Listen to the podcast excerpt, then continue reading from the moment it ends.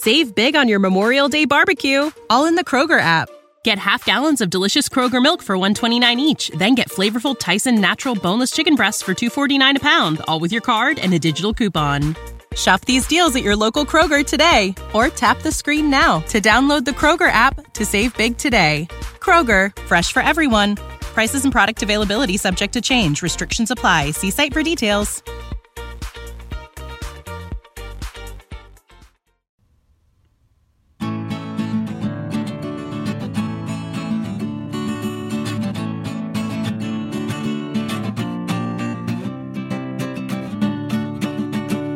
Welkom beste luisteraars bij een nieuwe aflevering van History en Mythologie. Peter, welkom. Hey, dankjewel. We hebben het eh, natuurlijk eh, over geschiedenis eh, als ik aan de beurt ben. Ja, ja, ja. Maar, maar, maar Peter, ik vroeg me af, wat, wa- wa- wa- wat zijn wij nou? Weet je, wat ben jij? Een, een, een mens, een homo sapien, ja. een man, ik ben Nederlander. ja, ik ook. Oké, dat is mooi, dat is En mooi. ik dacht, een groot gedeelte van onze luisterbase eh, zal ook Nederlands zijn. Mhm. En ik heb wel hier en daar kleine dingetjes over Nederland gehad. Maar ik heb nooit echt een hele aflevering aan de geschiedenis eh, gewijd. Hmm. Dus ik dacht, eh, we zijn Nederlanders, maar wat is Nederland nou eigenlijk? En eh, de, in mijn onderzoek kwam ik erachter dat ja, de vorming van een land echt ontzettend vreemd is. En we zijn natuurlijk niet altijd Nederlanders geweest. Nee, nee, inderdaad. Eh de dinosaurussen die hier leefden waren geen Nederlanders. Nee, nee, ik denk niet dat, zij, dat, dat er rood-wit-blauwe mosasaurussen waren. Of, nee, nou, misschien wel, weet Ja, je, wie ik weet, weet het wie niet. weet. Maar ja, maar ik, denk, ik denk niet in die vorm, nee. Maar ook eh, de, de Germanen en de Kelten die hier zaten, die, eh, ja, die voelden zich ook niet echt, eh, echt Nederlands, denk ik. Nee, nee. Nee, nee de- er zaten wel, eh, ja, de, de Friezen zaten er wel lang. Maar ook dat, eh, dat, zit heel complex, Hmm. want Friezen waren niet altijd de Friezen die we nu hebben. Dat was een ander volk, maar degene die in de plaats kwamen noemden zich ook Friezen. Hmm. Oh, oké. Dus eh, ja, het is eh, heel lastig. Maar dus ik, eh, ik wil even een, een generaal beeld scheppen van hoe Nederland zich heeft gevormd tot het Nederland van wat het nu is. Hmm. En we beginnen bij mijn favoriete gedeelte, ja, de steentijd natuurlijk. Yes. Ja, daar, daar word ik altijd blij van. Peter, Mhm. weet jij toevallig eh, wat er zo'n 150.000 jaar geleden aan de hand was? Ehm, waren we toen proto-Nederland? Nee, nee, 150.000 jaar geleden. eh, toen zaten hier waarschijnlijk nog geen mensen. We weten het niet zeker. We waren eh, Neandertalers misschien. Die zaten er misschien. Maar hadden die dan een naam voor zichzelf? Nee, Neandertalers. In, ze schreven nog niet, hè, dus we weten het niet. Waarschijnlijk noemden ze zichzelf wel wat, maar we weten het helaas niet. Ja, zou leuk zijn als we weten wat zij eh, het land hadden Ja. gegeven. Hmm. Maar het, eh, het was hier dus ontzettend koud. En dat eh, betekent dus ook dat veel van Nederland eigenlijk bedolven was onder ijs. Dus we waren er nog niet eens. Hmm. De helft van Europa lag onder ijs. Mhm. Maar ja, weet je, soms dan, dan smolt het ijs natuurlijk. Dan had je even een interglaciale periode, zoals we dat... eh, Wat best lang is, Ja. hè? Het is niet, het is niet Ja. een, een jaar of zo. het is niet even een pauze, nee, het is 10.000 Ja, jaar. precies. Ja. Eigenlijk zitten we nu in een interglaciale periode, maar die lijkt wat eh, uitgerekt te Ja, worden. hij wordt. Ja, ja. Eigenlijk zitten we in een ijstijd, maar ja, die, ik weet niet hoe dat nu wordt gedefinieerd. Nee. Maar goed, op een gegeven moment begon het dus te, eh, af te koelen en toen kreeg je hier neo- en mesolithische jagers. Hmm.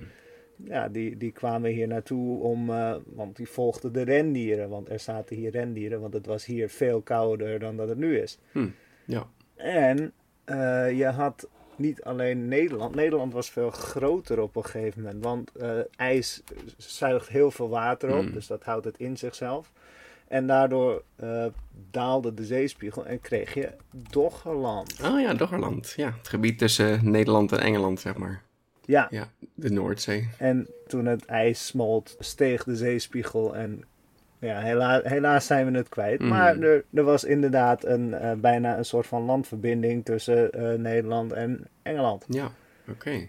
Ja, en dan had je niet een kanaal, dan had je gewoon een, een, een soort van enorme afsluitdijk, maar dan helemaal land. Ja.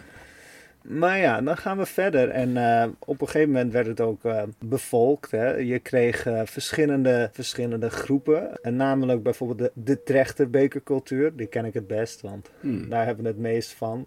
Die zaten in, eh, onder andere in Drenthe, hè. Ja, Ben ik, ja. eh, ben ik geweest eh, laatst. was best wel leuk. We hebben allerlei Hunnebedden bezocht. Ja, dan maak je een enorme heuvel. Daar leg je twee stenen tegenaan. Leg je een steen bovenop. Dan graaf je hem uit. Leg je je doden onder. En dan graaf je hem weer in. Ja, wat een, Dus, wat een moeite ja. eigenlijk. Maar ja, het is wel... Ja, maar ze hadden de tijd, Peter. Dat is waar, dat is waar. Maar het is op die manier wel vereeuwigd en dat is wel mooi. Ja, dat, dat laat wel zien eh, hoe we waren, Ja, toch? precies. Ja, ja, Ja. dat je toch zoiets wil eren. Dat je toch daar iets voor wil doen Ja. voor zo iemand. En wel fijn dat we eindelijk, eh, dat we ook gewoon cultuur kunnen opdoen van de doden zonder dat er een bijl in hun kop begraven ligt. Mhm, Ja, Eh, weet je, ze lagen er soms wel naast hoor, maar me- ja, dit waren gewoon meestal vreedzame begrafenissen. ja, gewoon mensen die ja, overleden waren. Ja. Maar wat kregen we na de steentijd, Peter? De bronstijd. Ja, Yes. toen had je ook een, eh, een leuke cultuur genaamd de wikkeldraadbekercultuur. Die zaten Oh mijn god, dit klinkt fantastisch. in, in, in Duitsland, maar ja, dat, ja die, die wikkelde, ja, die wikkelde draad. Oké, Ja, oké. Ja, en eh, die, die worden in de bronstijd beschreven, maar ze waren er ook al in de kopertijd. Hè? Mm. Je, je hebt, de bronstijd is het best beschreven hoor, die kennen we het best. Maar Mhm. Ja, ja, daarvoor had je ook de kopertijd. Ja, er zitten natuurlijk allerlei stappen ook nog tussen als je het echt Ja. gaat inzoomen. Mhm. Ja. En toen eh, kwamen we bij eh, het Medialand, de Hilversum cultuur. Wat? De, de Hilversum cultuur. Nou, die eh, komen een beetje uit de tijd waarin de landbouw zich echt verder begon te ontwikkelen. Mm. En nou ja, er werd gebruik gemaakt van wintervoeding voor vee, zeg maar, maar ook stro Mhm. en, eh, en mest. Oké, ja. Dus, dus ja, Professioneel. ja, ja dat, eh, dan zie je dat eh, het volk zich begint te ontwikkelen. En na de bronstijd krijgen we de, ijzertijd?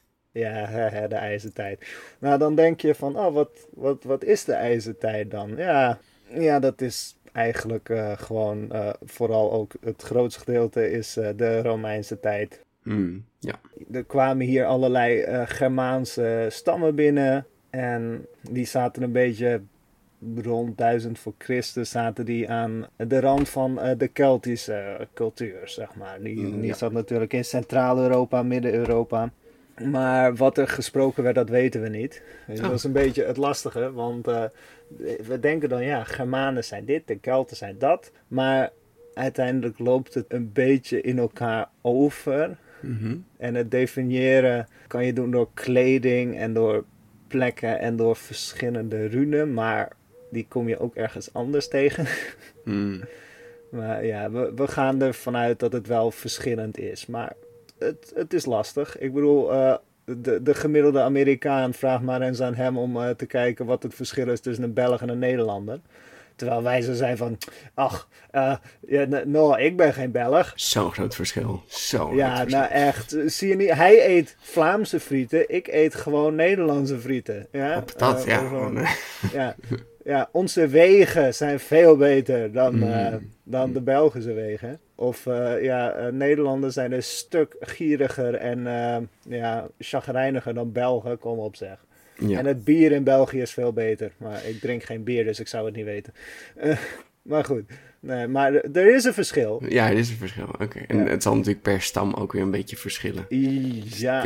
per stam, per groep.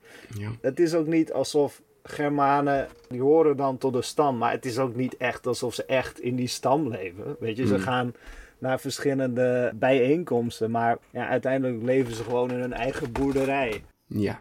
Ja. Het, Ja. het, is- het eh, eh, cultuur en eh, samenlevingen zijn eh, lastig, eh, Mm, lastig mm. te beschrijven. Ja. Maar wat je wel vaak zag is dat ehm, krijgers hadden een hoge, hoge plek. Die waren vaak ook rijk. Hè? We denken altijd, eh, nu tegenwoordig kan iedereen soldaat worden. Dat kon vroeger niet. Daar had je geld voor nodig. Mm. om echt goede bewapening te krijgen. Tuurlijk, iedereen kan een speer maken hoor, daar niet van. Ja, want dat was een beetje het ding, toch? Er waren eigenlijk, voornamelijk waren alle krijgers waren ook boeren. Ja, Maar op een gegeven moment waren er mensen die echt krijger waren en niet hoefden te boeren. Dus dat betekent dat Ja. ze dan ja, betaald krijgen voor hun krijger zijn. mhm, voor hun diensten. Ja. Ja, dat, dat zie je inderdaad. Echt de beroepskrijgers, die, die zijn vaak rijk. En die Ja. krijgen dan voedsel van eh, mensen die ze beschermen. Maar ja, eh, de boeren, dat waren natuurlijk ook gewoon krijgers. Maar ja, Mhm. die trainden dan minder of zo. Ja, eh, ja. Die hadden simpelere, simpele dingen. Nu maakt dat niet uit hoor. Je kan net zo goed iemand doodsteken met een speer als met een zwaard. ja maar, maar je kan natuurlijk niet zomaar je boerderij achterlaten. Dus ik kan me Eh, voorstellen nee. dat dat soort dingen lastig zijn. Ja, Nee, maar daarvoor had je familie hè. ja nee, dat is waar. Ja, dan moet je heel veel kinderen krijgen, ik begrijp het. Vaak zie je ook met Germanen zie je dat er één eh, soort van een, een war party, een groep eh, zich verzamelt om iemand die erg charismatisch is of veel Hmm. macht heeft. Ja. En veel jongeren die, die sluiten zich daar dan bij aan en dan gaan ze een nagelegen dorpje gaan ze beroven, even cool doen en dan hebben ze geld en, en zo en dan Ja. eh, gaan ze weer terug. Dat is hoe het gaat. Ja. Het is vrij klein, vrij schattig. Hm. Vrij schattig. Je, je buren de, de hersens inslaan. Doe ik ook altijd. Ja, precies. Om, eh, om hun boodschappen af te pakken. Ja, over buren gesproken. Mhm. Kijk, daar heb je hem weer. Mijn favoriete oorlogsmisdadiger uit de geschiedenis. Peter, op een gegeven moment kregen we bezoek van mensen. En wie, de- wie denk je dat dat zijn? Eh, dat moeten dan de Romeinen zijn. De Romeinen natuurlijk, ja, Ja. natuurlijk. En eh, ja, die, die kwamen gewoon hun gebied uitbreiden. Ja, het was een groot gebied op een gegeven moment. Ja, ja, en je zag dat met Julius Caesar, die begon eigenlijk echt een beetje meer uit te breiden. Ze hadden al heel veel gebied hoor, maar Julius Caesar die begon uit te breiden in Gallië. Mm. En eh, die had in 57 voor Christus had hij een veldtocht tegen de Belgen Oh. In de zuidelijke gebieden van Nederland, zeg maar. mhm. En eh, daar komt eigenlijk een beetje de overgang voor Nederland van prehistorie naar protohistorie. Dus daarin begint echt het schrijven van Nederland en echt eh, een beetje de natuurvolkeren Mhm. beginnen ja, ijzertijdvolkeren te worden. Tuurlijk, je had al verschillende volken die wel eh, misschien ijzer konden behandelen, maar ja, ze schreven niks op. Het was kleiner, zeg maar. Ja. Het waren vooral boeren in plaats van echt samenlevingen en eh, de steden. Ja, ja. Het was nog geen Babylonië. Nee, oké. Maar we heten op dit moment nog steeds niet Nederland en België. We zijn nog steeds Nee. gewoon Germanië. Ja, misschien. Het, het, kijk, het, het ding is.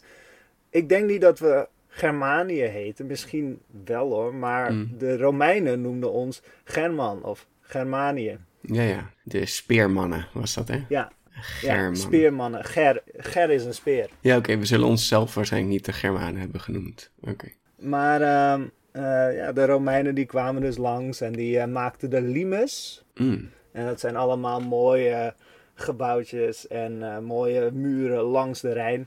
Oh ja, ja. En dat was dan de grens van ja, wij zitten hier nu, dit is van ons. en nou ja, de Germanen, ja, die, eh, die hadden zoiets van, nou, oké dan. Mm. En ja, het ging gewoon eigenlijk een soort van, ze, ze gingen samenleven. Ja, af en toe waren er eh, natuurlijk opstanden. Dat zie je met de Arminiërs, die leidden in Duitsland meer een, eh, een opstand. Maar volgens mij zaten daar wel verschillende eh, Nederlandse stammen ook bij. Mm. En je had de Bataven. Ja. Dat waren echt, dat waren super, eh, eigenlijk speciale troepen voor de Romeinen. Want die hadden hele goede cavaleristen. Cavaleristen zijn eh soldaat paard. Oh ja, ja. En eh, die, die konden gewoon met hun paard een rivier overzwemmen. oh, tof, ja. Ja, de Romeinen waren er wel van om een verschillende volken die ze tegenkwamen. Van, oh, jij kan goed boogschieten, nou kom maar mee dan. Oh, jij kan goed paardrijden, nou kom maar mee dan. En die, die gebruikten ze dan voor hun leger. Ja. Maar ze hadden dus ook de Bataven. Weet je wat alleen niet zo heel handig is, Peter? Nee. Als ik, een Nederlander, word gevraagd door het leger van Frankrijk Mhm. om mee te komen. Dus ik word een Frans soldaat en dan word ik ingezet om Nederland te veroveren. Oh ja, ja. Ja, nee, dat werkt niet. Nee. Eh, Soms ook wel hoor. Soms, je hebt natuurlijk eh, mensen die gewoon eh, meewerken. Mm. Maar ja, de, de grootste opstanden was omdat ze hun buitenlandse troepen inzetten in het gebied waar ze vandaan kwamen. En dan hadden die zoiets van, ja, maar dat is mijn familie. Ja. Dus eh, ja, dan kwamen ze in opstand. Ja, je zou ze inderdaad dan naar, naar een ander gebied moeten sturen, ja. Ja. Dat deden ze daarna ook wel vaak hoor. Dan oké. zette je Germanen in in Syrië en Syriërs zette je in in Germanië. Mm, Weet je, zo mm. makkelijk is het. En Grieken die stuur je leuk naar, eh, naar Spanje of zo. Ja. Le- leuke, eh, Uitwisseling, ja, ja, mooi. ja, leuke uitwisseling. Ze zijn gewend aan de temperatuur, weet je. Ja. Ja. Da- daar wordt er helaas niet, eh, heb ik helaas geen bronnen over gevonden. Misschien zijn ze er wel. Maar stel je voor, een Galliër die wordt gestuurd naar Syrië. En Mhm. die heeft dan echt de meest verschrikkelijke eh, zonnebrand, of Ja, niet? zeker weten, ja. Ja, oh, verschrikkelijk. Ja, totaal zijn kleding niet erop aangepast, ja.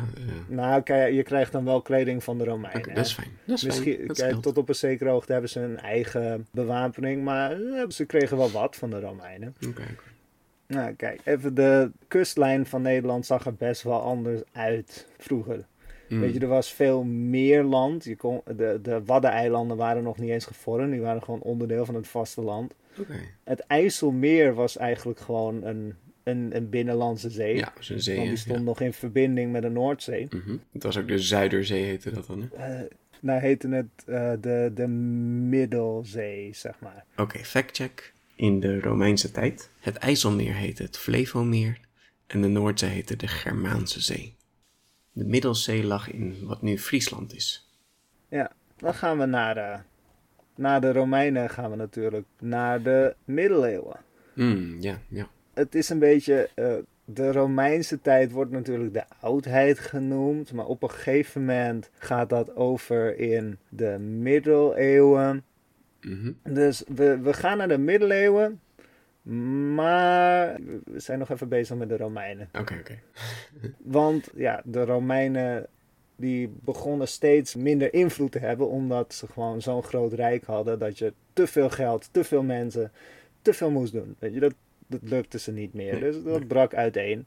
En verschillende andere stammen die begonnen zich uit te breiden. Bijvoorbeeld eh, de Franken, die waren waarschijnlijk, eh, ja, een, die hadden een oorsprong in de stam van de Chamaven en de Saliërs. Hm.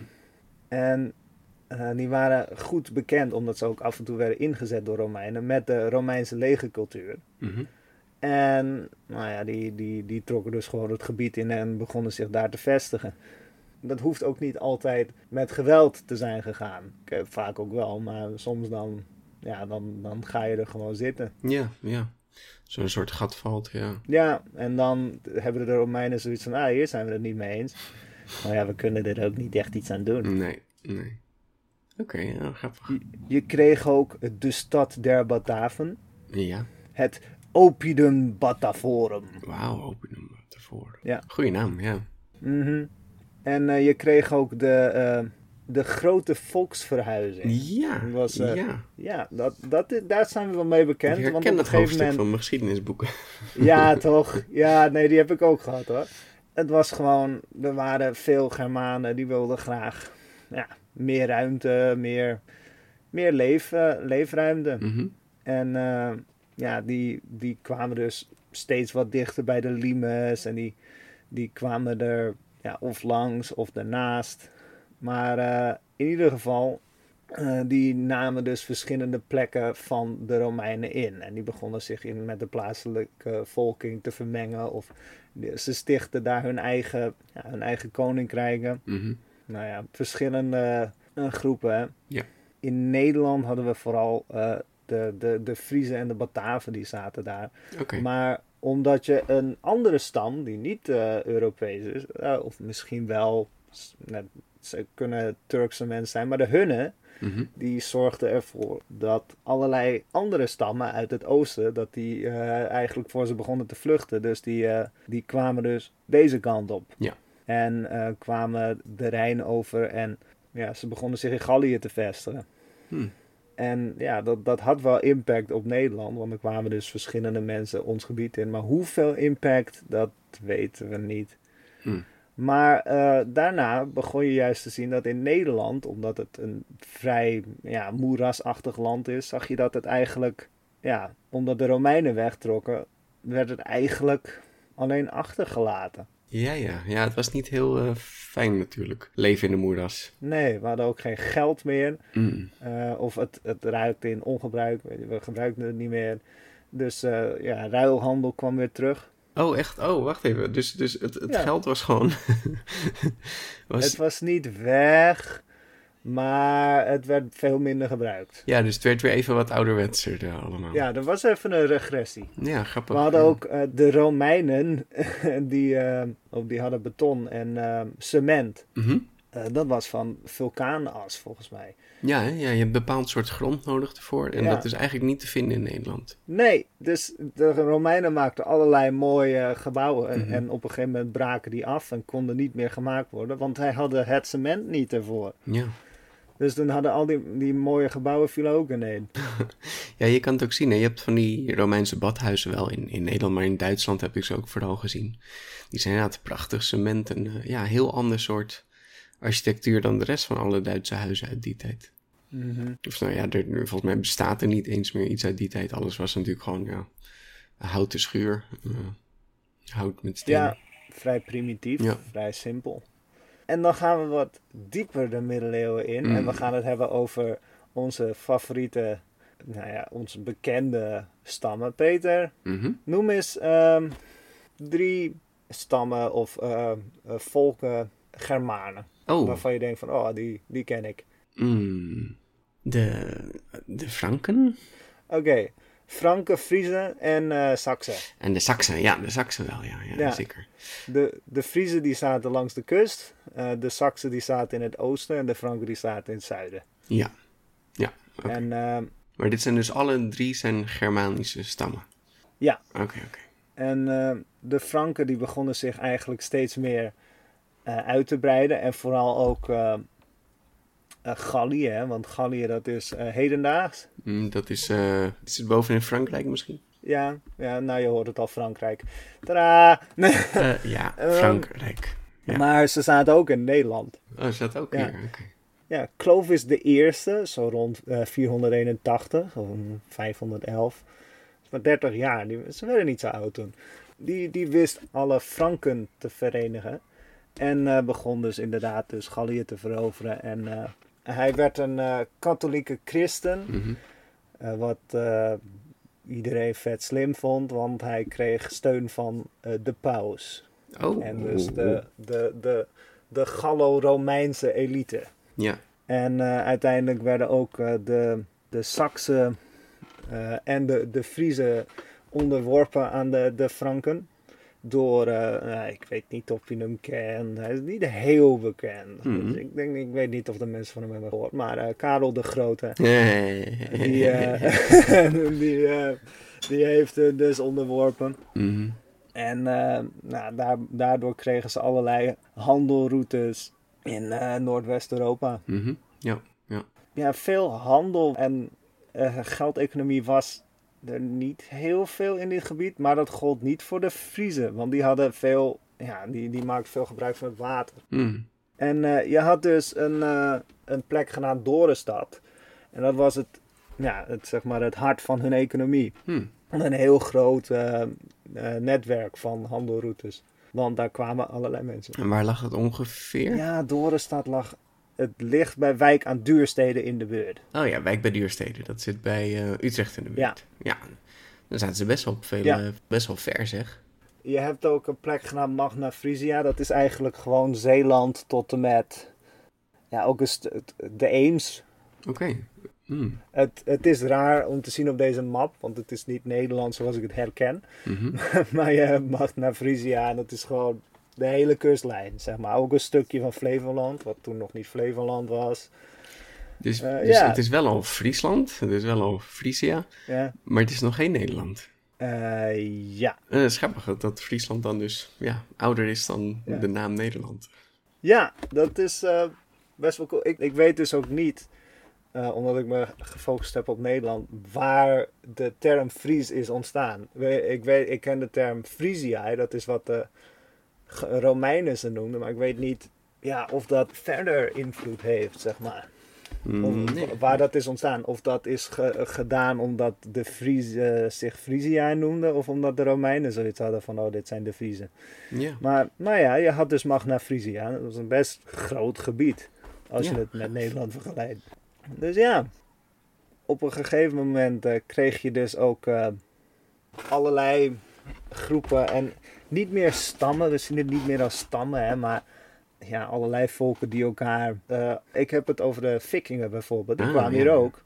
Ja. Daarom eh, veel Friesen die hebben eigenlijk een soort van eh, Scandinavische roots, want alle Vikingen kwamen daar te plunderen en dingen doen waar ik het niet over wil hebben. Kinderen Nee. maken. Maar ja, dat, ja de, de, er was een mengeling van cultuur. Ja. En ook de Franken die alles overnamen. Maar ook de Friezen die dus hier zaten. Mhm. Er was dus ook eh, een periode van, ja, van, van neergang. En die heette de, de IJzeren Eeuw. Kwam ook dus door de Vikingen.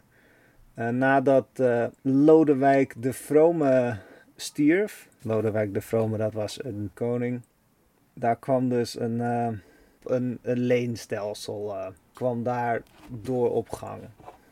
Weet je, het leenstelsel dat, dat is erop gebaseerd dat iemand die land bezit dat, dat eh, inzet of dat leent aan anderen. Ja, ja. Maar eh, het, het hield niet zo heel lang stand. Weet je, ik vind het dan lastig om erover te lezen, laat staan om het daadwerkelijk te doen.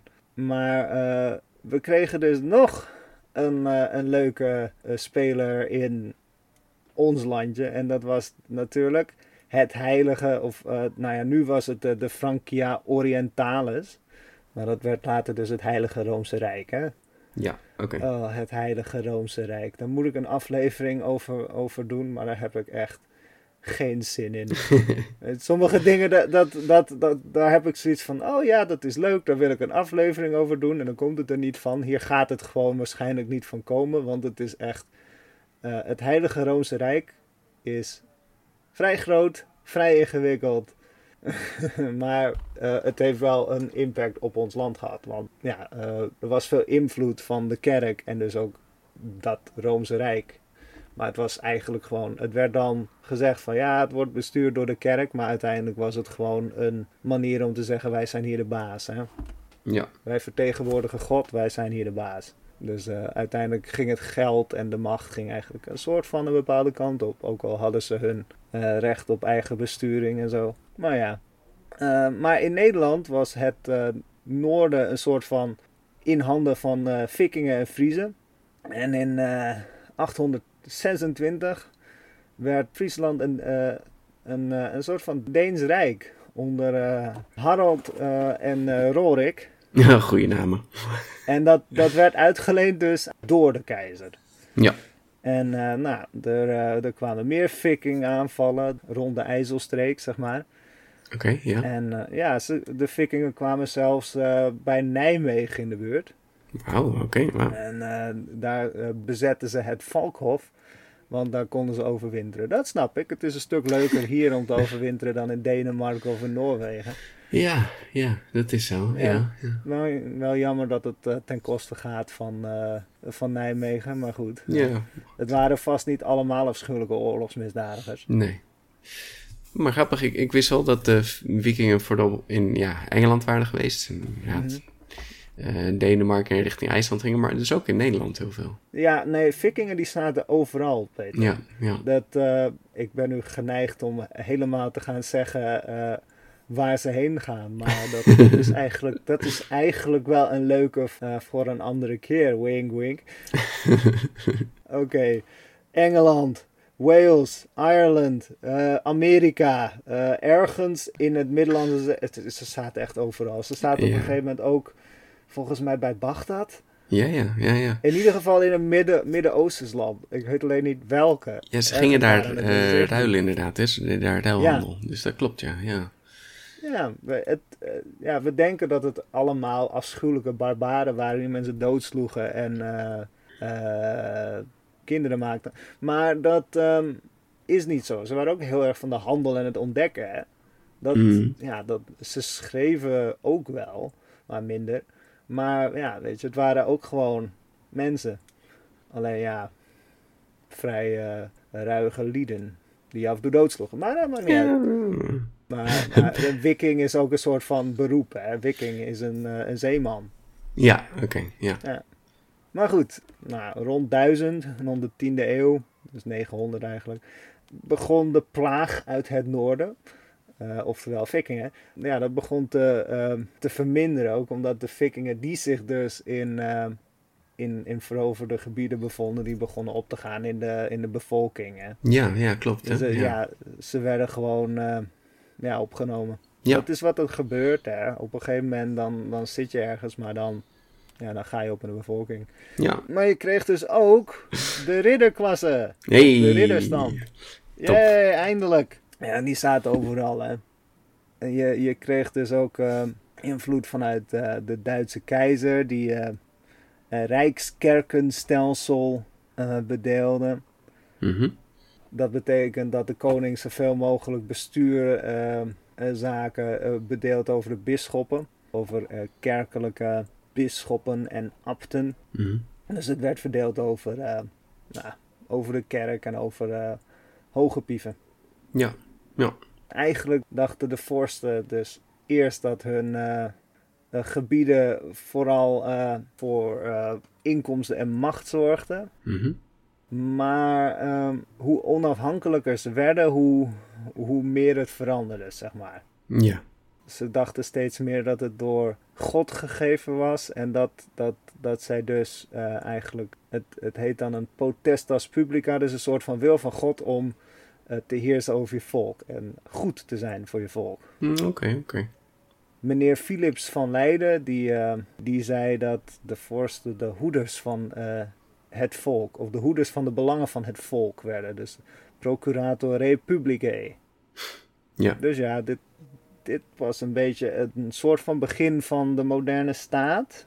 Nee, we gaan ervan uit dat de politici graag voor ons eh, eh, onze problemen en onze maatschappelijke behoeftes, eh, nou ja, dat, dat ze daarvoor opkomen. Zeg. Voor ogen hebben, ja, zeker. Zeker. Ja.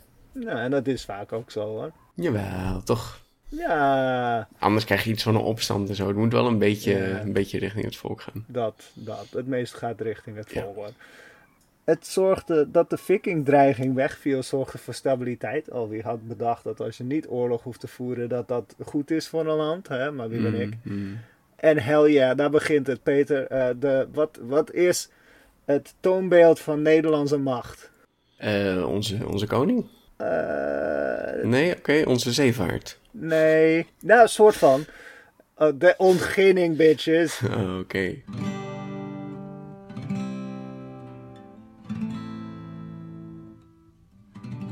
De grote ontginning. Ja, Ja. kijk, dan komen de venen. Weg met het water. Ja, het was hier nogal drassig inderdaad. Eh, dat Het klopt. was niet echt lekker eh, landbouwwind. Dus eh, wat, ja, wat doen we dan? Dan pompen we het water weg. Ja. Je ziet trouwens nog steeds sommige dorpjes. Je hebt bijvoorbeeld eh, je hebt Grote Broek en Broek op Langendijk. En nou, Broek, dat betekent dus moeras. Mhm. Dus alles wat, wat Broek heet, een broek. Dat is natuurlijk gewoon ja, moerasgebied. dus ja. Ja. En als je nu naar kijkt, mwah, het ziet er mooi uit hoor. Het ziet er niet uit als een moeras. Maar ja, je zag dus ook veel zandgronden en veel bosgebied. Dat werd allemaal omgezet tot landbouwgrond. Ja, ja. Ja, veel eh, binnenzee eh, werden bedijkt en ingepolderd. En eh, daardoor kregen we dus een, eh, ja, een bevolkingsgroei. Ja, gaaf. En kregen we ook economische groei. Er was veel textielproductie en eh, verschillende spin- en weeftechnieken. Die, die werden verbeterd. Visserij nam toe. Ja, Dus ja, ja. eh, ja, Nederland eh, eh, groeide op. Oké, ja, ja. Goed, eh, goed moment in de geschiedenis voor ons. Mooi. Ja. En je kreeg natuurlijk ook meer steden. Hè? Mhm. Dus ja, er kwamen zelfs nou, de eerste scholen en universiteiten werden gesticht. Mhm. Dus dit wordt een beetje de renaissance van de 12e eeuw genoemd. Ja. Dus een beetje ons, onze groei. Ja, het is natuurlijk ook grappig hè, dat Amsterdam begon natuurlijk als een vissersdorp. Ja. Dat is natuurlijk een hele grote havenstad geworden, ja. ja, klopt. Maar ook, ook eh, inderdaad wat je zei, universiteiten. Ja, ja echt een, belangrijke stad werd het. Mhm. Maar ook de eerste universiteit in, eh, in de Nederlanden. Mhm. Die werd eh, in 1425 eh, gesticht Hmm. of gevestigd in, in het Brabantse Leuven. Oké, ja. En hoe heette deze universiteit? De, de Universiteit van Leuven. Ah, het is de Katholieke Universiteit Leuven. Ja. Maar daarvoor moest je dus eh, naar Keulen of eh, Parijs. Na de Latijnse school moest je naar Parijs of Keulen. En nu kon je dus eigenlijk blijven in, eh, in Brabant. Hmm. Ja, Ja. ja. Je kreeg een soort van opleving. Maar helaas, goede tijden die nemen soms ook plaats voor slechte tijden. Je kreeg een grote hongersnood Oeh, in ja. eh 1315 en 1317. En eh, ja, oké. Ons, onze favoriet. Peter, wat is de leukste pandemie van de geschiedenis? Eh, dat zou de pest zijn geweest. hè. Ja, Die was echt wel heel erg leuk. De zwarte ja dood. nee, echt heel veel mensen gingen daaraan dood. Kijk, corona was shit en afschuwelijk. Maar gelukkig hebben we het dodenaantal beperkt. Ja, De zwarte dood, dat was, eh, als je dat kreeg, dan was je, ja, dat, dat, eh, dat heeft in vier jaar, heeft dat echt, nou ja, miljoenen mensen eh, gedood. Ja, Maar dat was echt, echt afschuwelijk. En we hadden toen ook nog niet eh, nou ja, heel veel mensen. Dat was gewoon toen nog niet zo'n ding. Hele, hele bevolkingen werden uitgeroeid, zeker in de stad. Mhm. Ja, dat, eh, dat zorgde wel voor problemen. Ja, heftig. Maar, maar gelukkig, we hebben het overleefd. En toen. eh, ja, gelukkig, weet je, ja, dat, dat, is ook, dat hoort bij de mens. Weet je, we, we hebben slechte tijden, maar we hebben ook goede tijden. Mhm. Ja, we hadden ook eh, een kleine, nou ja, een, een stevige, tien jaar durende, door Holland en Zeeland gevoerde burgeroorlog. Oké, ja. Jacoba van Beieren, die, die werd dus gedwongen zijn gewesten af te dragen aan Philips. Hmm. En eh, nou ja, hier werden de noordelijke en eh, eigenlijk alle zuidelijke gebieden, of een aantal noordelijke, maar eigenlijk alle zuidelijke gebieden werden een soort van eh, een unie. Ja, die oké. hoorden bij elkaar. Oké. Ja, En, en op dit moment, is het dan al Nederland? Is het dan Holland? Zijn het nog steeds losse... Het is eigenlijk Holland, want in mijn bronnen staat ook eigenlijk de gebiedsuitbreiding naar Utrecht en Friesland en ja. Ehm, het oversticht, een soort van eh, ja, landverdeling ehm, eh, van de bisschoppen van Utrecht. eh, om dat in te nemen of eh, om je, je gebied uit te breiden, was dus een voortzetting van Hollandse politiek. Dus het was Hollands. Ja. Ja, Ja, wat wel zo was, eh, wat ik begreep is, het, ik dacht dat het Holland omdat we hol zijn of zo, maar het, het komt van Holtz. Het is houtland. Eh, ja. volgens mij wel. Ja, het is, het is houtland, Holtzland. ja. We hadden natuurlijk veel hout nodig. Ja, ja. Maar je kreeg dus ook onder meneer Philips de Goede. Oh, Ja, superleuk dat hij zichzelf zo noemt. Maar je kreeg dus ook de Bourgondiërs en de Bourgondische tijd. ja. Er kwam weer een politiek van centralisatie. Mhm. Eh, dus die wilde echt vanuit zichzelf gaan eh, organiseren. Zeg maar van dit is de hoofdstad, dit is waar de macht vandaan komt. Ja, dus die, die wilde gaan heersen vanaf een centraal punt. Oké. En dat, eh, dat uitte zich in de Grote Raad van Mechelen of de Grote Raad der Nederlanden. Dus ehm, dat was een rechtscollege dat was samengebracht ehm, als een soort van Nederlanden, maar ook eh, een punt voor Frans en Duits sprekende mensen. Ja, ja. Maar eh, mensen waren het er niet helemaal mee eens, dus het viel ook een beetje weg. Maar ondanks dat alles Mhm. viel er uiteindelijk ook weer rivaliteit weg. En begon er weer een periode van welvaart. Hey. Het is wel echt met ups en downs. hè? Dus ja, we hadden geen koning. Mhm. Dus ehm, dat werd door de hertogen, dat werd eh, gecompenseerd door een, een grote hofcultuur. Ja, ja, als we geen koning hebben, dan doen we maar gewoon deze hertog en zo. Ik snap. En dan eh, gaan we door naar eh, de lange 16e eeuw. Ah, Oké. Oh, ja. wat zou hier gebeuren? Oeh, is dat niet het moment dat Spanje tevoorschijn komt? Ja, Spanje begon zich een beetje, een beetje eh, uit, eh, uit te breiden. Mm, mm. De meeste Nederlanders, denk ik, hebben wel gehoord van de 80-jarige oorlog. Mm, ja. Ja, nou kijk, ehm, meneer Philips II, die, ehm, die voelde zich ehm, eh, de, de leider van van Nederland. Dus hij was de koning, zeg maar. Hij, hij, had, hij had zich hier tot heerser uitgenoemd. En hij, hij was dus een soort van de, ja, de heerser. Weet je, dat gebeurt wel vaker. Ja, dan ja. komen landen in contact. En ja, weet je, de meeste mensen die, eh, die merken van welke eh, samenleving ze een, eh, een deel zijn door degene die ze belastingen vraagt. Mm. Maar Philips, die, ehm, die verdrievoudigde de belastingdruk. Oeh. Oké, nou, goed voor hem. ja. Maar hij was dus vrij autoritair. En ehm, ja, de, de, de, de tolerante Nederlanden, eh, zoals ze zich heel erg eh, voelden, die eh, hadden daar eigenlijk geen boodschap aan. Die vonden dat niet zo fijn. Oké, oké. Dus die eh, deden wat, eh, ja, wat elke persoon zou doen. En eh, die kwamen natuurlijk in opstand. Mhm. Nou kijk, eh, in de 80-jarige oorlog ehm, bevrijdde Nederland zich van de Spaanse invloed. Oké. En de- er werd een, eh, omdat ehm, na het Leids ontzet, een, eh, een belegering van Spaanse eenheden van de stad Leiden, werd er een universiteit genoemd, zeg maar. Mm, ja. Eh, door deze eh, opstand kreeg je dus... Eerst waren het een soort van Nederlandse opstandelingen, gesteund door Engeland. Mhm. Eh, want Engeland, dat was natuurlijk ook een opkomende macht. Dus eh, zo'n eh, sterk rijk als Spanje, ja, dat is natuurlijk je rivaal. Dus die wil je uitschakelen. En Ja. als je dat niet helemaal zelf hoeft te doen, Ja, dat scheelt. Helemaal Ja, prima. ja. ja, ja, dat zie je wel vaker. Uiteindelijk vormden die Nederlandse opstandelingen zich dus tot de Republiek. Of de Republiek der Zeven Verenigde Nederlanden. Ah, de Nederlanden. Ja, en dat was een vlag met een oranje, witte en blauwe streep, horizontaal. Ja, ik vind dat een leuke vlag. Ja, ik vind het wel werken. Ja, Het is iets unieker. Het is wat opvallender. eerst was hij rood-wit-blauw en toen was hij oranje-wit-blauw. Mhm. Maar oranje is zo'n moeilijke kleur, hè?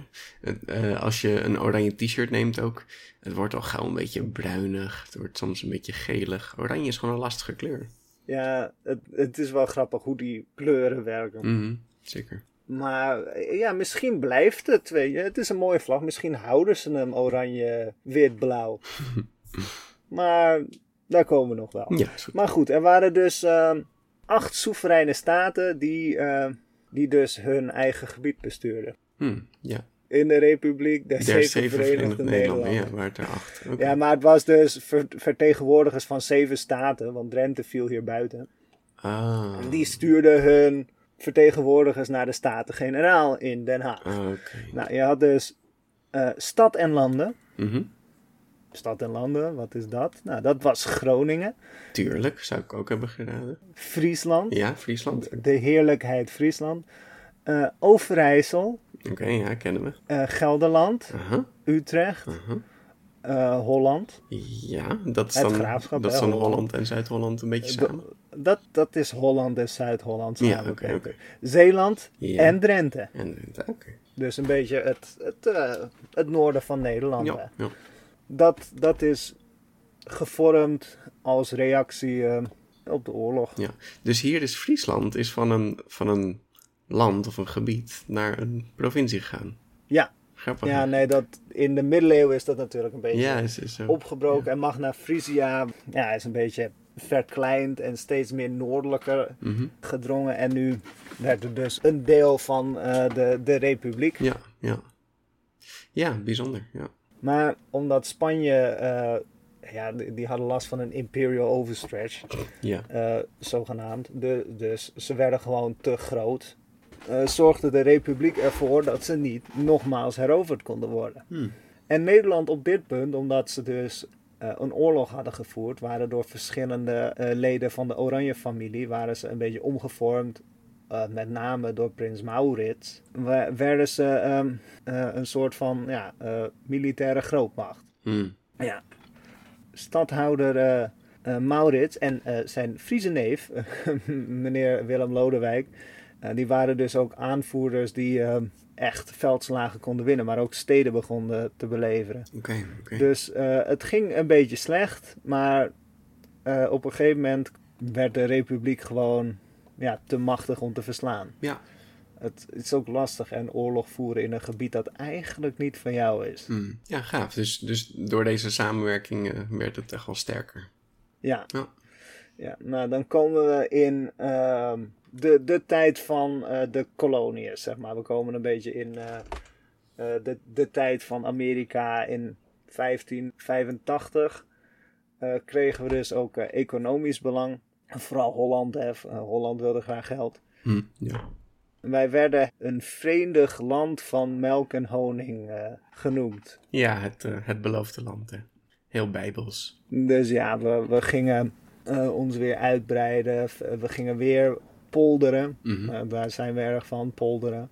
En we gingen dus ook turf en veenplassen gingen we delven. En turf gingen we winnen. Ja, en turf, dat is een, eh, een, eh, een goede brandstof. Een- ja, een- het is, eh, een goede brandstof.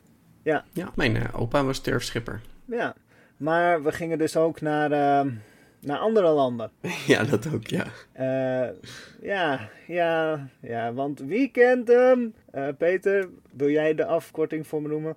Oh, de VOC? Ja. Of is het de WIC? Nee, eh, we beginnen bij de VOC, maar goed dat je de WIC ook noemt. Is goed.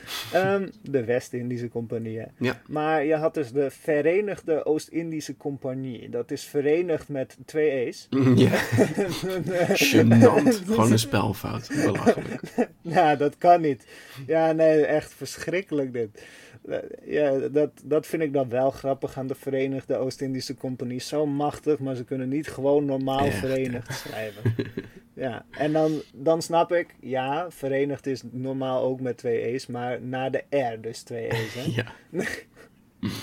Maar ja, we gingen dus daarmee omdat eh, er een specerijenhandel was. En specerijen, dat zijn eh, belangrijke kruiden Ja. en eh, dure kruiden. Ja. En eh, ja, die wilden we halen uit eh, India en de Indonesische eilanden. Ja, het is natuurlijk ook zo dat we, we, we haalden dat soort specerijen wel, maar we hebben nu een, een shortcut. We hoefden niet naar Ja, Turkije toe. Je hoeft niet naar de, ja, wat je dan de zijderoute noemt. Nee. Dus we gingen wat, wat eh, ja, we wilden de tussenman er tussenuit halen ook.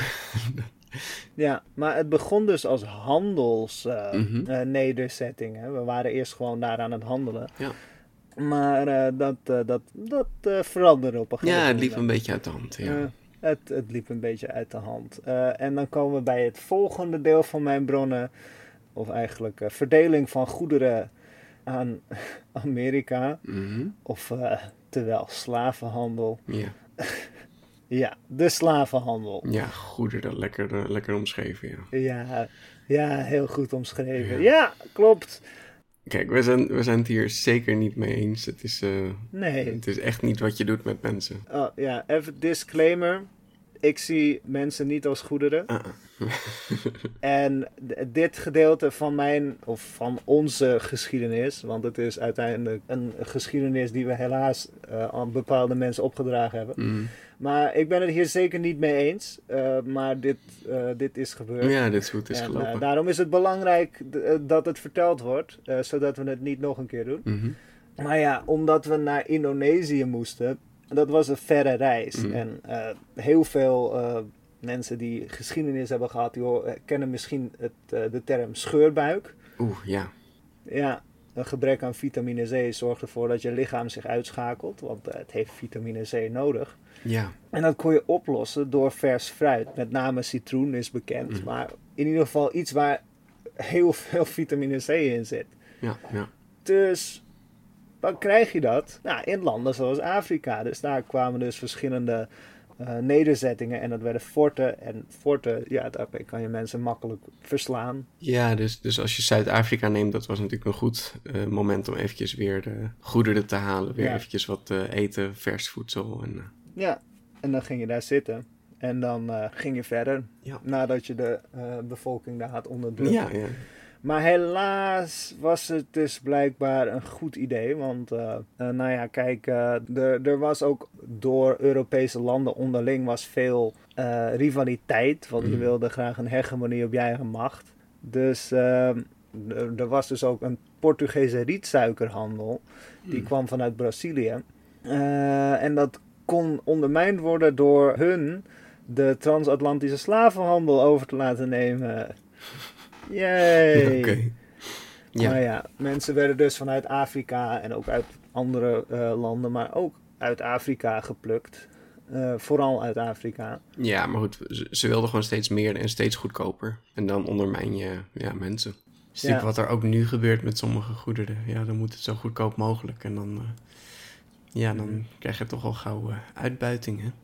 Op een gegeven moment kregen we dus, of we veroverden Fort St. George Mhm. aan de Afrikaanse goudkust. Mhm.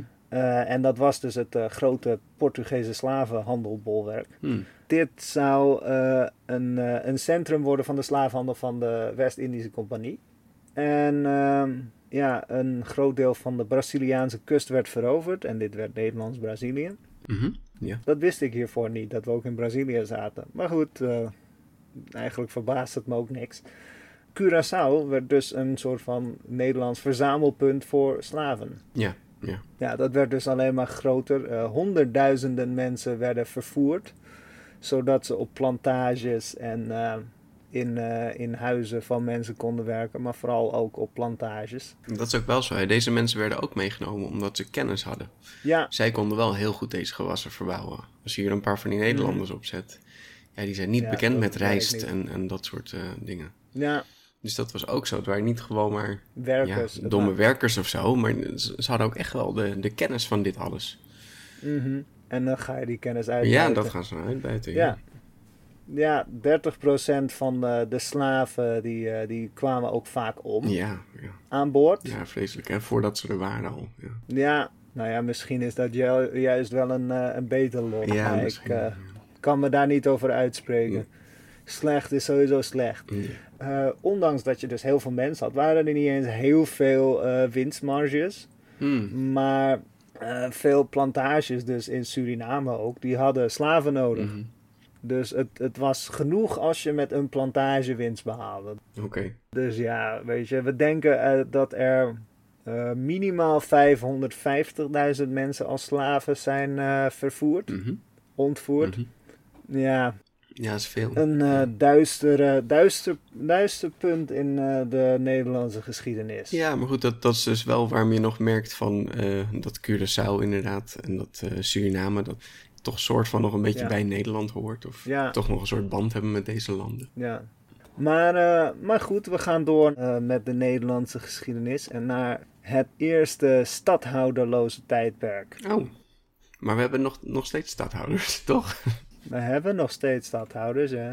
Maar eh, nadat de oorlog voorbij was, was het zo van... Ja, hoe, eh, hoe gaan we dit eh, bijeenhouden? Mhm. Dus eh, de, de grote vergadering van eh, 1651, Mhm, mooi. daarin werd dat besproken. En de ware vrijheid, die kenmerkte dit, dit dus. Hm.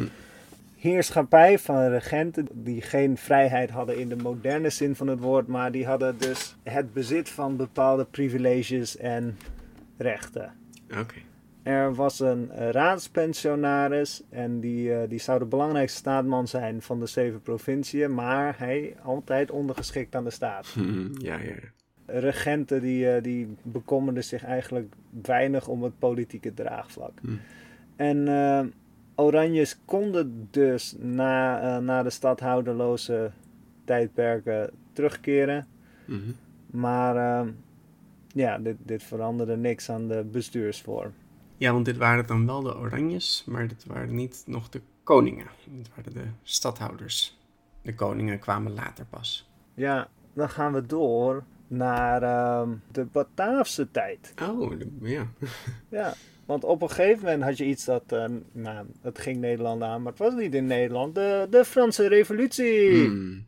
De Fransen zorgden er wel voor dat het de Nederlanders aanging, want eh, ze hadden de zuidelijke Nederlanden bij de Franse Republiek gevoegd. Want waarom niet, hè? Ja, precies. Dus eh, toen vielen ze ook, eh, in 1795 vielen ze ook Nederland maar binnen. Hmm, Fijn. Ja, dat, dat werd toen, eh, Nederland werd toen een deel van eh, de Franse Republiek. Oké. Eh, of nee, nee, in naam maakte het niet uit van de Franse Republiek, maar het werd de Bataafse Republiek. ja. Stadhouder Willem, Willem V, die vluchtte dus naar Engeland. Mhm. En daar, ehm, ja, superleuk dit. Het is een soort van eh, spelletje risk, maar eh, daarin eh, met de verklaring van Q werden de Nederlandse koloniën onder Brits beheer gebracht. Oh, oké. Ja, er was een soort van notie van een, een moderne staat bereikt hè, de afgelopen eeuwen. Mhm. Ze hadden soevereiniteit en in andere landen moest je die door eh, revolutie eigenlijk bereiken. Maar in Nederland was het eigenlijk al zo, zeg maar. Ja, ja. Ja, bijzonder, ja. Maar er was dus wel nog een probleem. Eh, Nederland was een vassalstaat van de Franse Republiek. Hmm. Nu, nu was het wel zo. eh, eh, Nederland kreeg een, best wel een, een coole koning eigenlijk. ja. Hebben we het over gehad, toch? Ja, ja, ja mis- ik, ik weet niet. Misschien moet ik het over hem hebben. Maar meneer Lodewijk eh, Bonaparte, die, eh, dat werd een koning. En dat was best wel een goede koning. Eh, er is een coole aflevering over hem gemaakt in een Oh, podcast. Oh, oh. Misschien moet je die gaan luisteren. Ja, misschien even checken. ja. Maar goed, uiteindelijk Napoleon Bonaparte, die... vond dat Eh, die- Luigi ja, dat- Lodewijk Bonaparte het een beetje te goed deed. Ja, ja die, die zette Lodewijk af. Want Ja. Lodewijk was te chill en te aardig. Ja. En eh, kwam dus niet op voor de Franse, eh, nou ja, de, de, de Franse belangen. Ja, Weet je, hij, was te, hij, wa, hij was niet totalitair, hij was gewoon een, een staatsheer, zeg maar. Hij, hij, hij hielp je als er een stad in de fik vloog. ja. En hij was niet echt van hele, hele strenge belastingen. Dus eh, ja, was best een chille koning. Ja. En een, een cool konijn. ja. maar daar heb ik een aflevering over. Dus eh, die kan je zeker luisteren als je dat nog niet gedaan hebt. Uiteindelijk, eh, Napoleon Bonaparte, eh, dat was de heerser van Frankrijk. Hmm. Die eh, verloor in de zogenaamde coalitieoorlogen. Want zoals wel vaker in deze aflevering is gebleken, niemand kon elkaar hebben toen. Nee, hè? Nee. Dus die gingen tegen elkaar knokken. En Napoleon werd verslagen, de Franse invloed werd teruggedrongen. En eh, Nederland werd ja, onafhankelijk, zeg maar. Ja. Maar we werden weer een soort van machtiger, want we werden het Verenigd Koninkrijk der Nederlanden. Hmm, Oké, oké. Dat is waar het begon. Ja, dat is dus waar het begon. Eh, Willem eh, de Eerste, Mhm. die werd in 1813, dus nog voor de slag voor Waterloo, werd hij soeverein vorst. Dus daar, hij nam een nieuwe grondwet aan Mhm. En hij kon rekenen op de steun van de Britten. Want die wilden eigenlijk gewoon een sterke bufferstaat die, eh, die zich tegen de Fransen kon eh, verzetten. Hmm. Nou ja, ehm, Willem was dus eh, koning van de Nederlanden. En dat was niet alleen Nederland, Peter. Hmm, Nee. Het was ook België en Luxemburg. Ah, oké, dat hoort erbij. Hmm. Is dit dan, zijn dit dan de Dietsen? Oh, nee, eh Dietsland. Eh, eh, Dietsen, dat is eigenlijk langer geleden. Mhm. En het is een beetje eh, afkomstig van eh, het woord uh, Dudisk, de Dietsk. En het is een soort van Germaanse taal. Hmm. Deutsch, Dutch, dus... eh, Ja, inderdaad. Ja, daar zit wat Dat is in. ook waar de term Dutch vandaan komt. Duitsenbloed. Ja. Eh Wilhelmus van Nassau ben ik van Duitsenbloed. Dus het komt Dietsenbloed. Duitsen, eh, Duits, Diets, Diets. Mhm, dus mhm. het is een beetje een, een mengeling tussen Duits en Nederland. Mhm. En ehm, na 1871, de, de, de machtigste Duitse deelstaat eigenlijk, die, de, de Pruisen, die kozen de term Deutsch. Dus eigenlijk Duitsland. Dus het land van het volk. Ja, Oh, oh god. Oh, nu ik dit zie. Oh, dit, oh, dit, eh, dit gaat superleuke repercussies hebben, jongens. Ehm, maar de, de, de lage landen, die, die namen een, eh, een verbastering voor de Nederlanders. Een soort van Dietsland. Ja, oké, dus, dus dat Diets is hetzelfde als Duits. En Duitsland was dan Hoogduits. En Nederland was dan Nederduits. En dat werd dan Nederdiets. En dat werd dan Nederland. Ja, En nu in 1815 heten we dus het Verenigd Koninkrijk der Nederlanden. ja. En daar vallen België en Luxemburg dan ook onder. ja klopt. Die, eh, die hoorden bij ons. Dat vonden wij leuk. Ja, ja. Je had dus eh, twee regeringscentra, eh, Den Haag en Brussel. En ehm, ja, ze, ze zetelden dus om het jaar eigenlijk in een van de steden. Mhm. En dus ministers hadden twee huizen, of, eh, of die huurden twee huizen in, eh, in zowel Den Haag als, eh, als Brussel. Dus dat, dat, dat is leuk. Om het jaar ging je naar Den Haag en om het jaar ging je naar Brussel. Oké, ja, ja. Ja, het kwam dus op neer. Nederlands is de, de algemene bestuurtaal, maar ehm, eh, voor de politiek was Frans gangbaar. Ah ja, natuurlijk. Ja. Maar eh, ja, eigenlijk veel Zuiderlingen die spraken Frans. En dit werd ook verstaan door eh Noorderlingen. Want dan, ja, dan zeiden ze van ja, dit, dit is om de nationale belangen eh, te verdedigen Mm. in een vreemde taal. Dus Mm. defendre les intérêts nationaux et langues étrangères. Défendre les intérêts nationaux et langues étrangères. Goed. Maar het is in de geschiedenis trouwens wel vaker hè, dat eigenlijk iedereen minstens twee talen sprak. Ja. Omdat je dan je eigen taal sprak en de taal van degene die je regeerde. Ja, klopt. In het noorden kreeg je dus eigenlijk veel werkeloosheid en armoede. Oh, jeetje. Dus, In de, in de ehm, 18e eeuw was dit. Ja, Oh. ja, dus in het noorden. Maar dat kwam door veel Britse goederen, zeg maar. Mm. Eh, veel arbeiders eh, die, die daar woonden, die werden een beetje vervangen door nieuwe eh, geschoolde eh, werknemers uit andere landen. Mm. En ja, dat, dat dreef het werkloosheidscijfer nog meer omhoog natuurlijk. Ja, ja, ja. Eh, in Drenthe konden dus duizenden mensen gewoon niet, om die, ja, die, die konden niet aan normaal werk, maar wel aan ja, het leuke, verschrikkelijke werk eh, Mm. dat we kennen in fabrieken en zo. Ja, ja, dit is een beetje die opkomst. Hè? Ja. Maar door de hereniging Mhm. kwam de zware schuldenlast die in het noorden was, kwam wel. Ja, die werd een beetje verlicht. Oh, wat goed. Oké. Want het zuiden was financieel stabiel. Hmm. Maar die moest dus wel de schulden van het noorden mee afbetalen. Maar ja, dat, eh, ja, nou ja. ze ja. profiteerden ook mee van de opbrengsten van eh, de Nederlandse koloniën. Mm, dat is zo. Maar ja, Maar goed, bedankt, bedankt Drenthe. Dat is heel, fijn. uiteindelijk was het niet mogelijk om, eh, ja, om, om het bij elkaar te houden. Eh, in de zuidelijke Nederlanden was eh, grote ontevredenheid. Mm. In het zuiden was men het er niet mee eens dat er zo'n kleine groep alle macht had, zeg maar. Mm. En Oké. ja, daar werd ehm, niet genoeg gedaan, omdat er dus absolute macht was.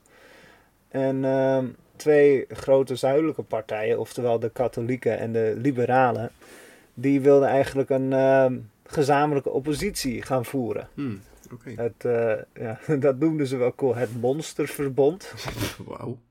Ja, dat, dat staat ook bekend ehm, in, eh, in België als de Unie van Liberalen en Katholieken. Mm, oké.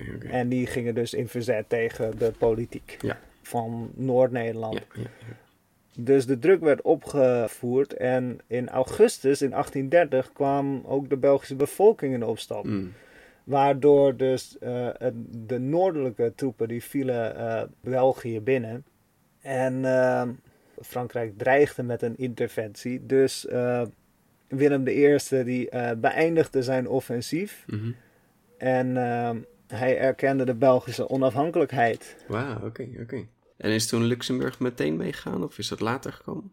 Eh, nee, Luxemburg was nog in bezit van Nederland. Mhm. Tot de dood van koning Willem III.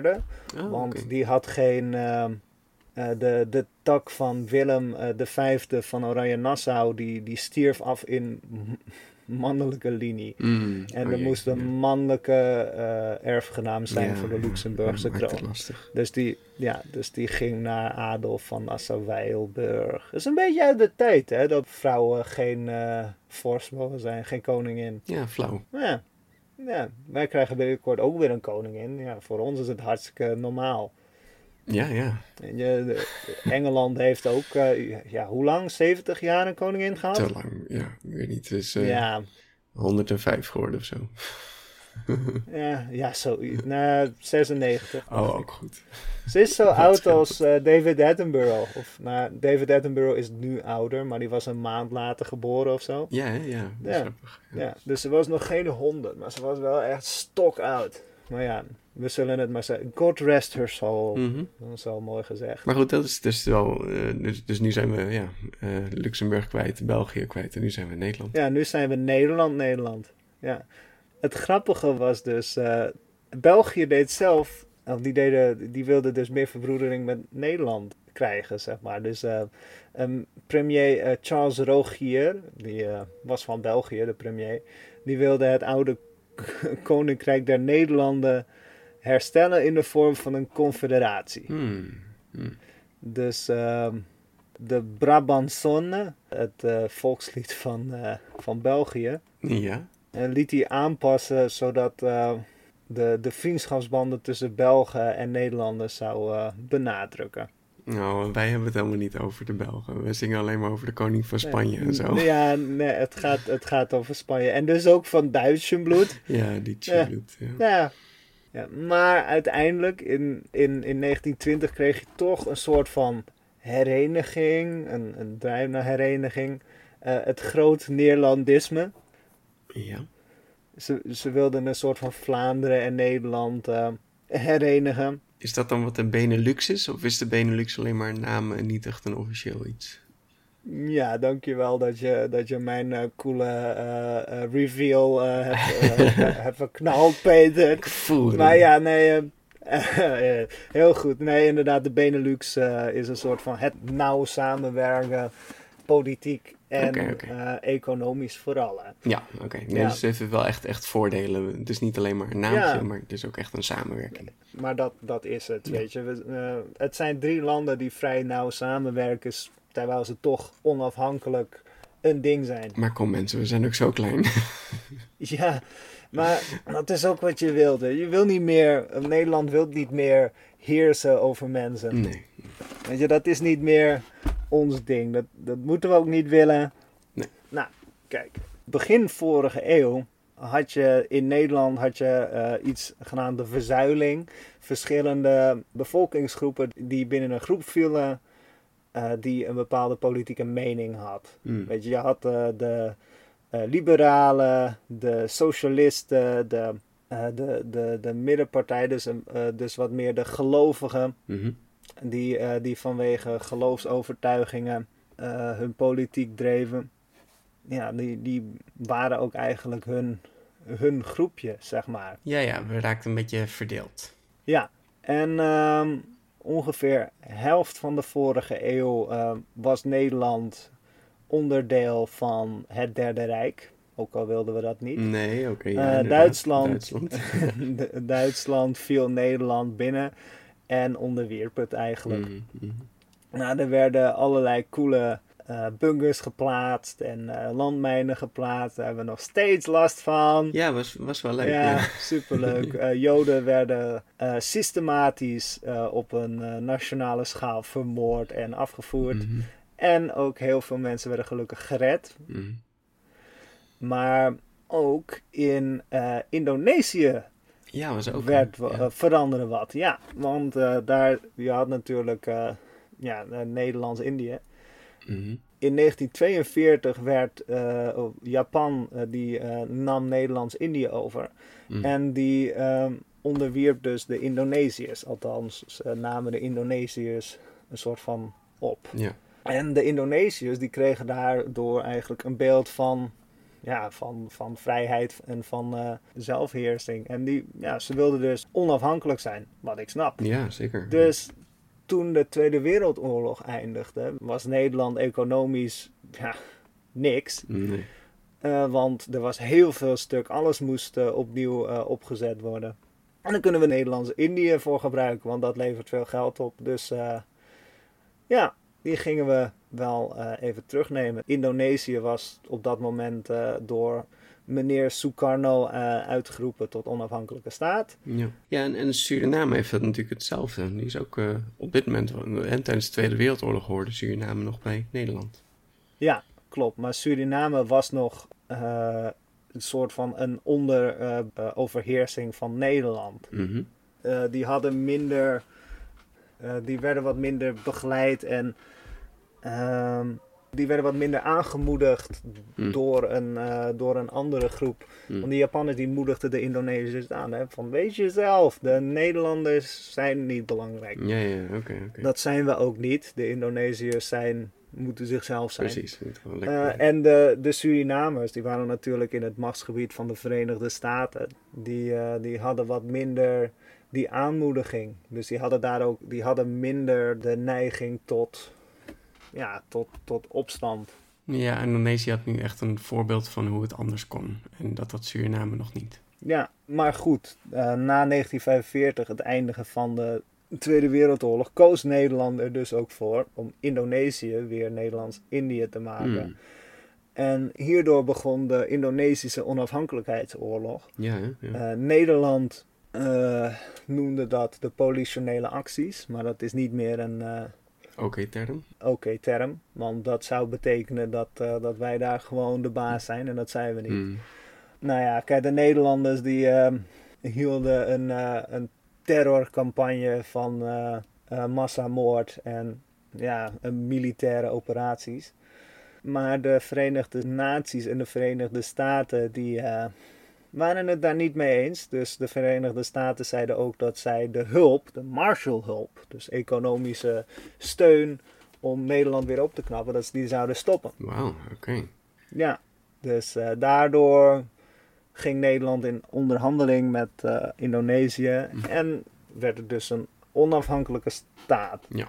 En kreeg je een immigratiestroom, want er waren natuurlijk ook eh, er waren heel veel mensen die hadden nou ja, gecollaboreerd met de Nederlanders, Mhm. samengewerkt met de Nederlanders. Dus die kwamen vanuit Indonesië kwamen die naar Nederland. Ja. Nou, dat waren zo'n 300.000 mensen. Oh, ja, oké, ja. Eh, ja, maar dat, dat waren ook Ook Nederlanders, Nederlanders. ja. Het waren ook Nederlanders die er tussen zaten. Ja. Dat is zo. Ja. In de jaren 50 eh, nam de welvaart weer toe. Ja, dat kwam door de, de industrialisatie. En eh, ja, er, eh, eh, we hadden dus geleerd van, van, van vroegere economische fouten. En die maakten we nu niet. Hm. En ehm, de Benelux, hè, dat zorgde dus voor een goede economische samenwerking Ja, tussen ja. Nederland, België en Luxemburg. Mooi.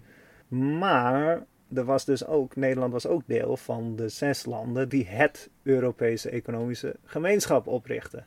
Hmm. Frankrijk, Duitsland, Engeland, Nederland, België, Luxemburg. België, Mhm. Bundesrepubliek Duitsland, Ja. Frankrijk, Italië, Luxemburg en Nederland. Oh ja, oké, oké.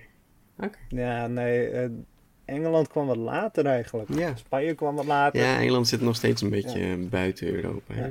En nu weer. Ja. weer echt.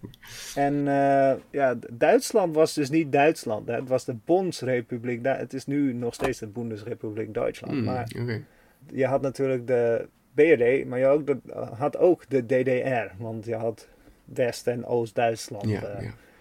Dus dat, dat was gewoon een, een, ja, een kleine Duitsland. Oké.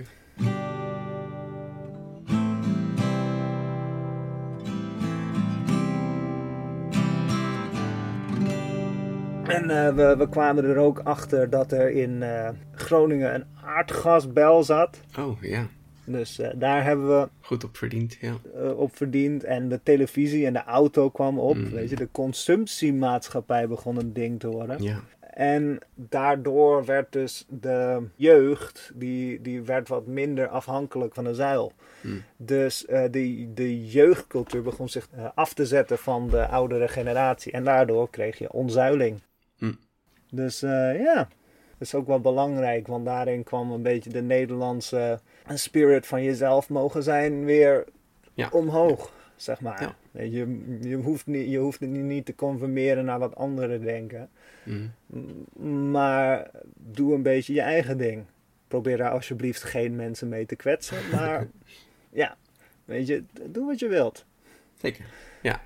Maar je, je had dus ook. eh, dit heb ik een hele lange tijd niet geweten. Maar we hadden dus, als Nederland, hadden we nog koloniën. Dat wist ik wel trouwens, Jawel. natuurlijk. eh, weet je wel, een, een Curaçao en, eh, en eh, Sint Maarten en zo. Maar wat ik niet wist, is dat we dus nog Nieuw-Guinea hadden. Oh. Of de westelijke Oh, helft ja. van Nieuw-Guinea. Dat was dus eigenlijk een, een ding. Indonesië begon dat binnen te vallen, want die, zij zagen het als hun gebied. Mhm. Wij waren het daar niet mee, of wij eh, versloegen de Indonesische troepen. En eh, het was dus weer een ding van Amerika zei van doe dit niet, anders dan stoppen we met jullie steunen. Dus, eh, oh, en zelfs Ru- Russische dreigementen. En daardoor werd de, de westelijke helft van Nieuw-Guinea werd overgedragen aan de Verenigde Naties. Ja, oké. En het werd door een volksstemming in 1969 eh, officieel bij Indonesië gevoegd. Oké. En ehm, Suriname werd op 25 november eh, in eh 75 onafhankelijk. Ja, ja. Eh, de gouverneur van eh, Suriname, eh, meneer Ferrier, Ja, dat was ook de schrijver van het grote Anansi-boek. eh, Johan Henry eh, Ferrier, Mhm. of eh, Johan Henry Elisa Ferrier, Oh, eh, en eh, minister-president Den Uyl en koningin Juliana ondertekenden het verdrag. Ja. En eh, sindsdien is het de Republiek Suriname. Ja. Ja. Is dat dan de, de laatste aanpassing aan Nederland? En is er daarna niks meer veranderd? Nou, kijk, eh, niet helemaal. Kijk, de afsluitdijk was al een ding, maar daardoor kregen we dus eh, in plaats van een binnenzee kregen we een meer. Oh. Maar we hadden nog, nog steeds eh, behoefte aan meer, eh, meer ruimte. Dus we hebben ook maar even Flevoland gemaakt. dat is ja, echt iets van vorige eeuw. Dat was er nog niet. ja, dat is zo. hè. Ja, dat, dat vergeten we altijd. Maar dat is echt een heel, hele jonge provincie.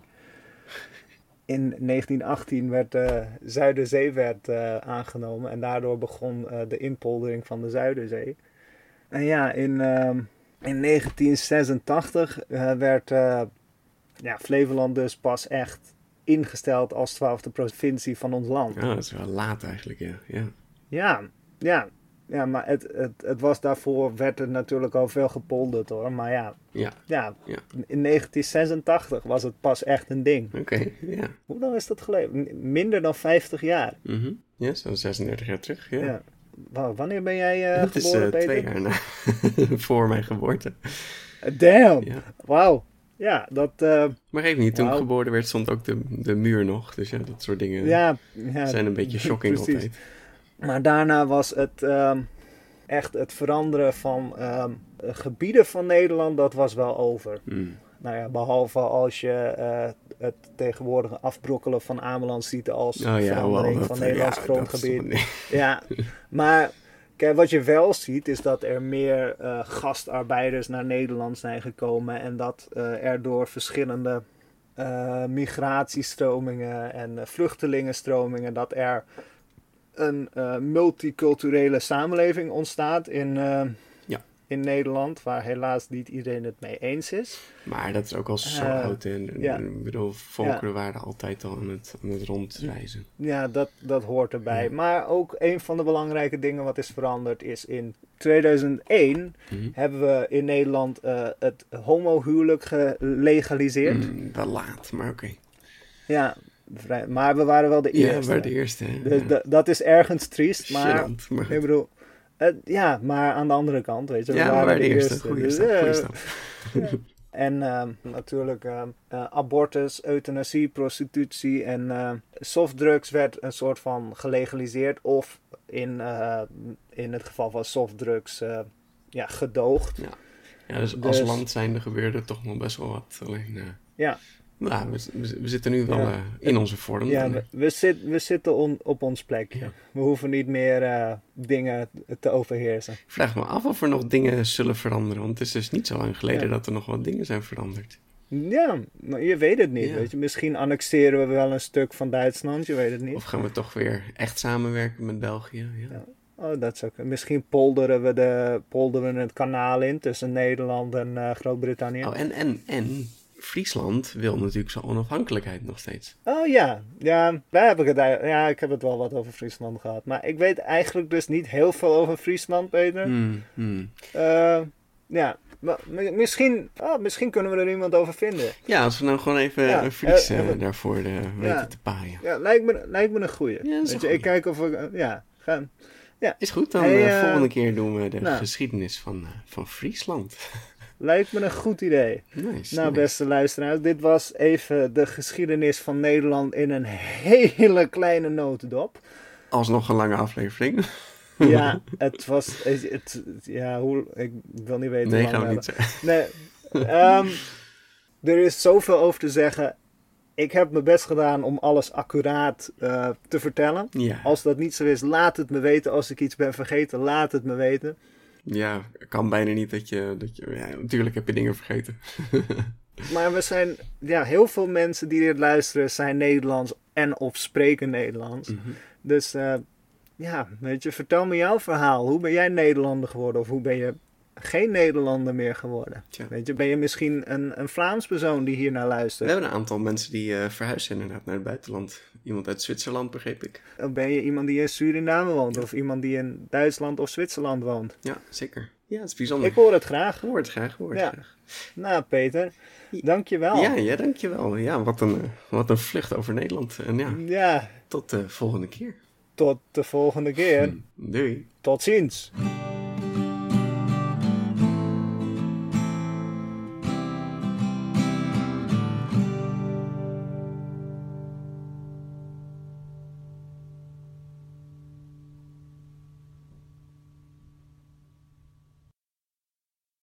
Save big on your Memorial Day barbecue, all in the Kroger app.